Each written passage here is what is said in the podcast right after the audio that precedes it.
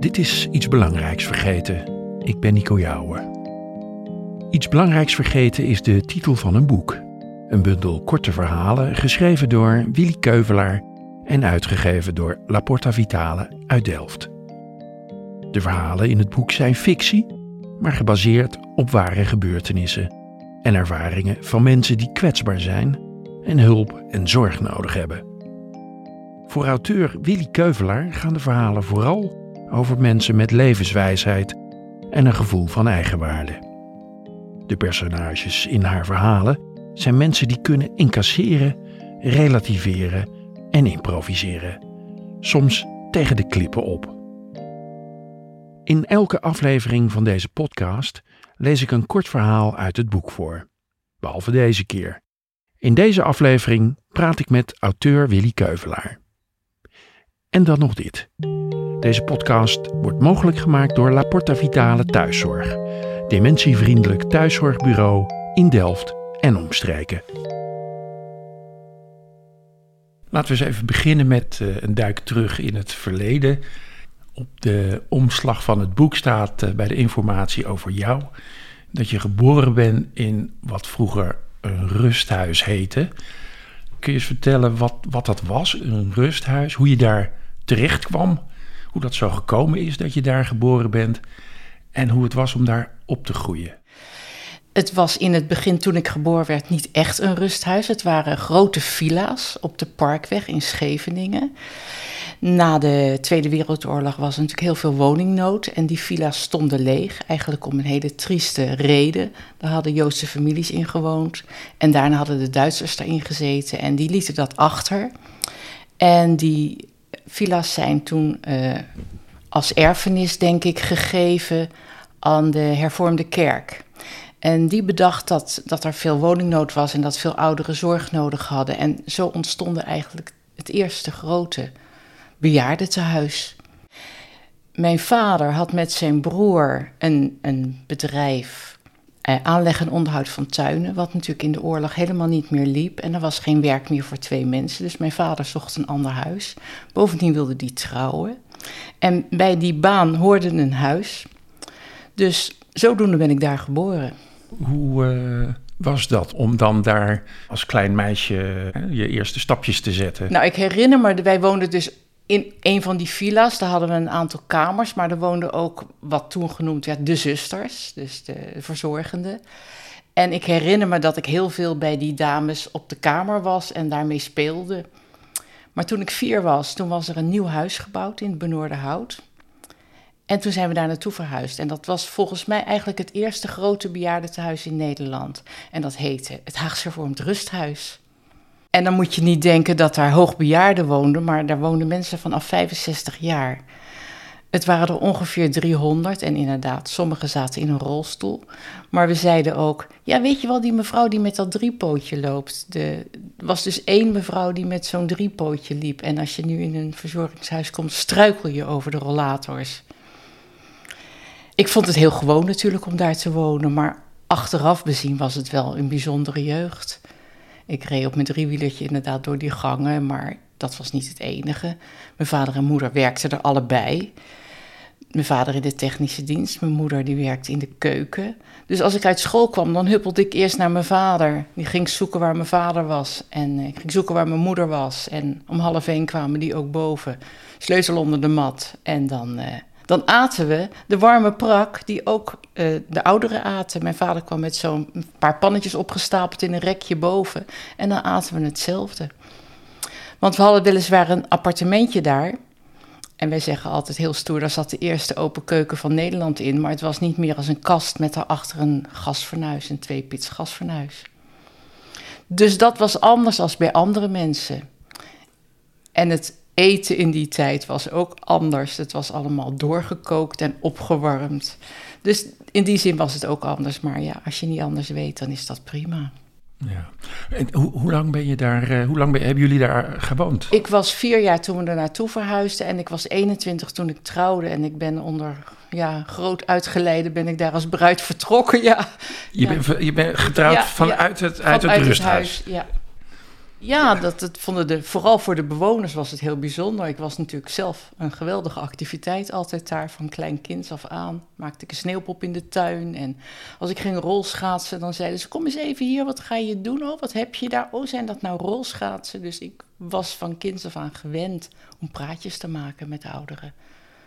En daar geduldig in te zijn. Was dat leuk voor, voor, voor jou als kind? Dat je, had je inderdaad uh, 300 opa's en oma's? Ja, het was leuk tot ik een jaar of 16 werd. Toen was het minder leuk.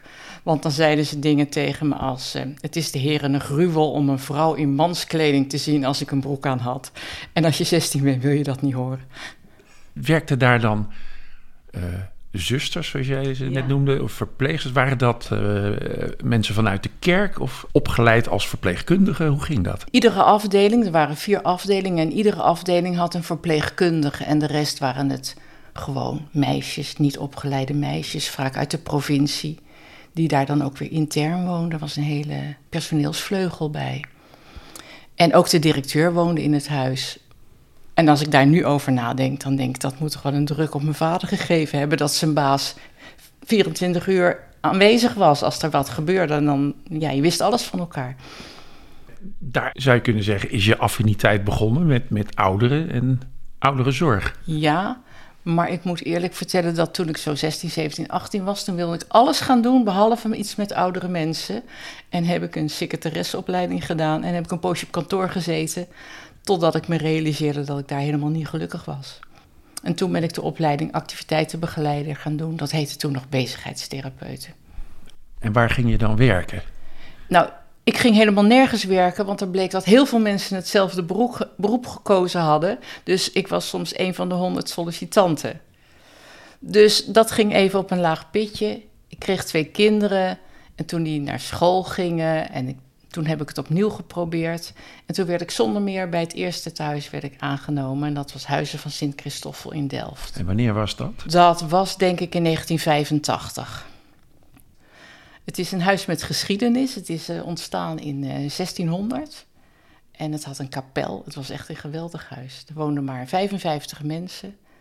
En iedereen kende elkaar. En je wist alles van bewoners af. Ja, daar heb ik een hele leuke tijd gehad. Daar werkte je als, uh, als bezigheidstherapeut? Nee, het was toen, oh, toen, het was toen al activiteitentherapeut. Okay. Maar op een gegeven moment wilde niemand meer in therapie, dus werd het activiteitenbegeleider. Tot hoe lang heb je als activiteitenbegeleider gewerkt? Tot ik 60 werd. En ik was nog in de gelukkige omstandigheid dat je toen kon stoppen met werken. Dan ging je de, de FUT in, of de OBU, zoals dat in de zorg heet. En toen dacht ik, ja, ik heb eigenlijk nog wel een, beetje ruimte over. En misschien heeft iemand iets aan mijn ervaring. En toen was ik een beetje aan het googelen en toen vond ik een, een bedrijf wat gevestigd was in de Papenstraat 18. En ik had altijd met veel plezier gewerkt in de Papenstraat 20. En toen dacht ik, hè, wat zit daar dan? Toen ben ik gaan kijken. En toen kon je je aanmelden en toen ik had al een glaasje wijn op. Ik dacht, nou, ik meld me maar even aan. En van het een kwam het ander. Binnen de kortste keren werkte ik voor La Porte Vitaal, een heel sympathiek bedrijf. Dat was dus gevestigd uh, uh, naast Huizen van Sint Christoffel toen. Ja, het zat zelfs in een gebouwtje waarvan ik altijd vanaf het balkon op neergekeken had. En ineens zat daar dus een zorgbedrijfje. Wat is er toen gebeurd? Want toen ben je ook voor dat eh, bedrijfje eh, actief geworden. Nou, ik liep binnen en toen zat daar Ingrid van Bielsen en die zei tegen me... ik heb gemerkt dat als je wat gaat mankeren, dat alles goed doorloopt. Je krijgt huishoudelijke hulp, je wordt verzorgd, maar het leuke is uit je leven. Kijk, dat sprak me aan. En toen dacht ik, voor zo iemand wil ik wel werken. En eigenlijk officieel was ik nog in dienst van een zorginstelling, maar ik had al een maand vakantie. En toen vroeg Ingrid, kan je gelijk beginnen? En dat heb ik toen gedaan. En wat ben je toen gaan doen? Toen ben ik uh, iemand gaan begeleiden, die, ja, een demente mevrouw gaan begeleiden. Uh, ben ik leuke dingen mee gedaan, gaan doen. We gingen koffie drinken, we gingen naar theater, we maakten wandelingen. Het is kleinschalige thuiszorg en het is begonnen, zoals ik zei, om mensen te begeleiden. Maar de zorg, ja, die, die breidde zich vanzelf uit. Want als je al een aantal jaren bij iemand komt voor, voor de leuke dingen en heeft iemand ineens zorg nodig, ja, waarvoor zou je dan een ander bedrijf inhuren? Dan ga je gewoon verder met de, mensen die je al kent. En ja, van lieverlee ben ik ook uh, gaan wassen en gaan verzorgen. Dat kende ik natuurlijk wel uit het werk als activiteitenbegeleider. Want ja, dan moet je ook mensen naar het toilet helpen. En als het druk is en er is weinig personeel, spring je ook in. Dus dat was wel bekend werk voor me. Die start van uh, La Porta Vitale, dat is inmiddels 12,5 jaar geleden. Vorig jaar, toen het bedrijf zeg maar 11 jaar bestond, raakte jij en Ingrid in gesprek over wat, er, wat je zo al tegenkwam. Zo is dat idee ontstaan om wat verhalen op papier te zetten.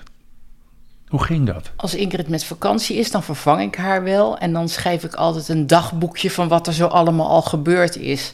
En toen zei Ingrid, het lijkt wel een soap wat je geschreven hebt. En toen zei ik uit grapje, nou kan wel een soap gaan schrijven. Dus dat moet je doen. Dus toen kwam het eerste verhaal en toen kwam het tweede verhaal. En ja, dan schieten je steeds meer uh, situaties te binnen. En soms heb ik maar één zinnetje nodig om een verhaal daarbij te fantaseren. In ieder verhaal zit wel een hele kleine kern van waarheid. Een, een, een situatie of iemand, wat tegen, iemand die wat tegen me gezegd heeft. En dan verdiep ik me in van hoe is het nou voor die persoon zelf om afhankelijk te zijn. Dus ik heb geprobeerd om vanuit de persoon die zorg krijgt te schrijven. Hoe is het als er ineens morgens twee mensen bij je voor de deur staan om je wel eens eventjes te gaan verzorgen en in een stoel te zetten? Hoe is het als je ineens een huishoudelijke hulp krijgt terwijl je zelf altijd in de huishouding hebt gewerkt? Uh, hoe is het als mensen je gaan betuttelen? Als mensen beslissen hoeveel kop koffie je mag drinken? Dat is heel moeilijk. Ja, dat, dat betekent ook dat je je daarin moet kunnen inleven hoe dat voor die mensen is. Dat lijkt me ook lastig. Misschien is dat dan iets wat ik vanuit mijn jeugd meegekregen heb. Dat je altijd uh, begrip moet hebben van ouderen. Dat werd me natuurlijk ook geleerd. Want natuurlijk wil ik wel gaan rolschaatsen en helemaal niet met die oude man praten. Maar er was me wel geleerd dat je dan toch even aandacht aan iemand moest besteden. Omdat je soms het enige leuke was wat er die dag gebeurde voor de mensen. Als ik uh, de verhalen bekijk, als ik ze lees, dan zijn ze allemaal geschreven inderdaad vanuit het, het perspectief van de mensen die, die ouder worden, die zorg ontvangen. Dat zijn de hoofdpersonen uit dat boek. Je zegt daarover, uh, dat zijn mensen die kunnen incasseren, kunnen relativeren. Uh, en improviseren. En improviseren. Kun je daar iets over vertellen? Hoe, hoe ben je daarop gekomen? Nou, er zijn, er zijn verschillende mensen. Er zijn mensen die uh, altijd het, moeilijk hebben, het niet naar hun zin hebben, zich terugtrekken op hun kamer. En er zijn ook mensen, en daar heb ik grote bewondering voor, die zeggen: Ik doe overal mee wat er te doen is, want ik ben hier en nu en ik moet het leuk maken voor mezelf. En als ik overal nee tegen zeg, dan heb ik geen leuk leven. En als je dat dan afweegt tegen elkaar, dan denk je: ja, dat is een keus die een mens maakt. De een kan goed improviseren en gaat toch naar een optreden waar zij of hij eigenlijk helemaal geen zin in heeft, maar probeert er toch iets leuks van te maken. Een van de verhalen gaat inderdaad over een optreden en het is echt gebeurd dat een meneer tegen mij zei: Ik heb genoten van de pauze. En dat zegt heel veel. Dat zegt heel veel over hoe iemand is. Hij zat er wel, hij deed om mij een plezier te doen, maar hij wou eigenlijk liever weg. Het zijn fictieverhalen. Maar uh, zoals je net zei, ze bevatten een kern van waarheid. Ze zijn wel gebaseerd op dingen die, ja, die jij uh, ervaren hebt of die je van anderen gehoord hebt. Ja, het zijn vooral dingen die ik van bewoners of van cliënten gehoord heb. Uh, mensen, storten heel mensen storten heel makkelijk hun hart bij me uit. Dat heb ik ook al bij de bushalte. Dan krijg ik ook altijd allerlei levensverhalen. Soms heb ik een verhaal wat een cliënt mij verteld heeft, ongeveer naverteld. En dan moet ik bij zeggen dat het soms minder leuk afloopt als dat in de verhalen staat. Want het echte leven is soms nog veel moeilijker als uit deze verhalen blijkt. Ik kan me een verhaal eh, herinneren uit de, de bundel over een man die uh, betrokken is geweest bij ja, het zoekraken van zijn kleinzoon. Dat zijn, ja, dat zijn hele ingrijpende gebeurtenissen. Nou, mensen moeten het boek eh, lezen om te weten hoe dat precies uh, verloopt. Maar dat uh, is een hele tragische gebeurtenis. Maar het heeft toch ook een heel mooi einde. Ik ben ervan overtuigd dat mensen in hun leven allemaal een groot verdriet meemaken. En ik denk dat ouderdomsvergeetachtigheid heel vaak komt omdat ze iets verdrongen hebben. En op latere leeftijd komen die hele grote verdrietige gebeurtenissen vaak terug. Mensen vertellen bijvoorbeeld dat ze een tweeling gehad hebben en die een, een half jaar na de geboorte is overleden. En als mensen dan aan ernstige vergeetachtigheid lijden, dan vertellen ze iedere dag datzelfde verhaal. En het gaat altijd over het verdriet. En ik denk als je daarop inspringt, als je daarnaar luistert, dat dat helpt. En dan wordt de vergeetachtigheid soms ook wel minder.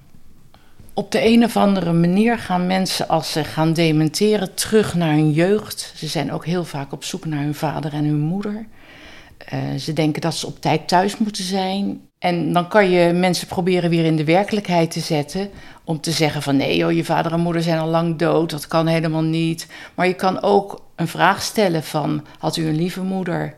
Of uh, wat voor beroep had uw vader? En dan komen er verhalen. En heel vaak zeggen mensen dan aan het eind van het verhaal, maar die leeft al lang niet meer. En het, het is, want mensen zijn soms vreselijk verdrietig en op die manier kan je ze uit hun verdriet halen.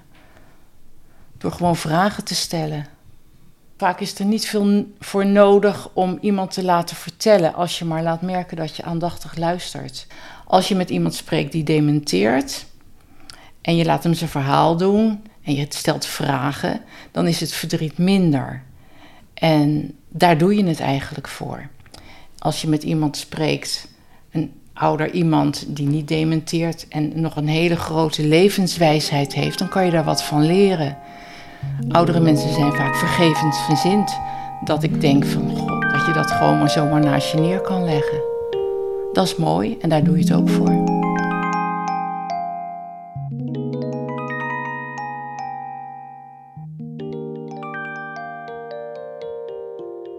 Tot zover deze aflevering van Iets Belangrijks Vergeten. De verhalenbundel Iets Belangrijks Vergeten is een uitgave van La Porta Vitale Thuiszorg uit Delft. La Porta Vitale staat voor warme, betrokken zorg. Betrouwbaar, overzichtelijk en op maat geleverd. Met La Porta Vitale blijft u langer zelfstandig thuis wonen. Meer informatie op laportavitale.nl. Daar vindt u ook meer informatie over het boek en deze podcast. In de volgende aflevering hoort u het openingsverhaal uit de bundel Iets Belangrijks Vergeten. De muziek bij deze podcast was van Robinson Jouwen. Ik ben Nico Jouwen. Tot de volgende keer.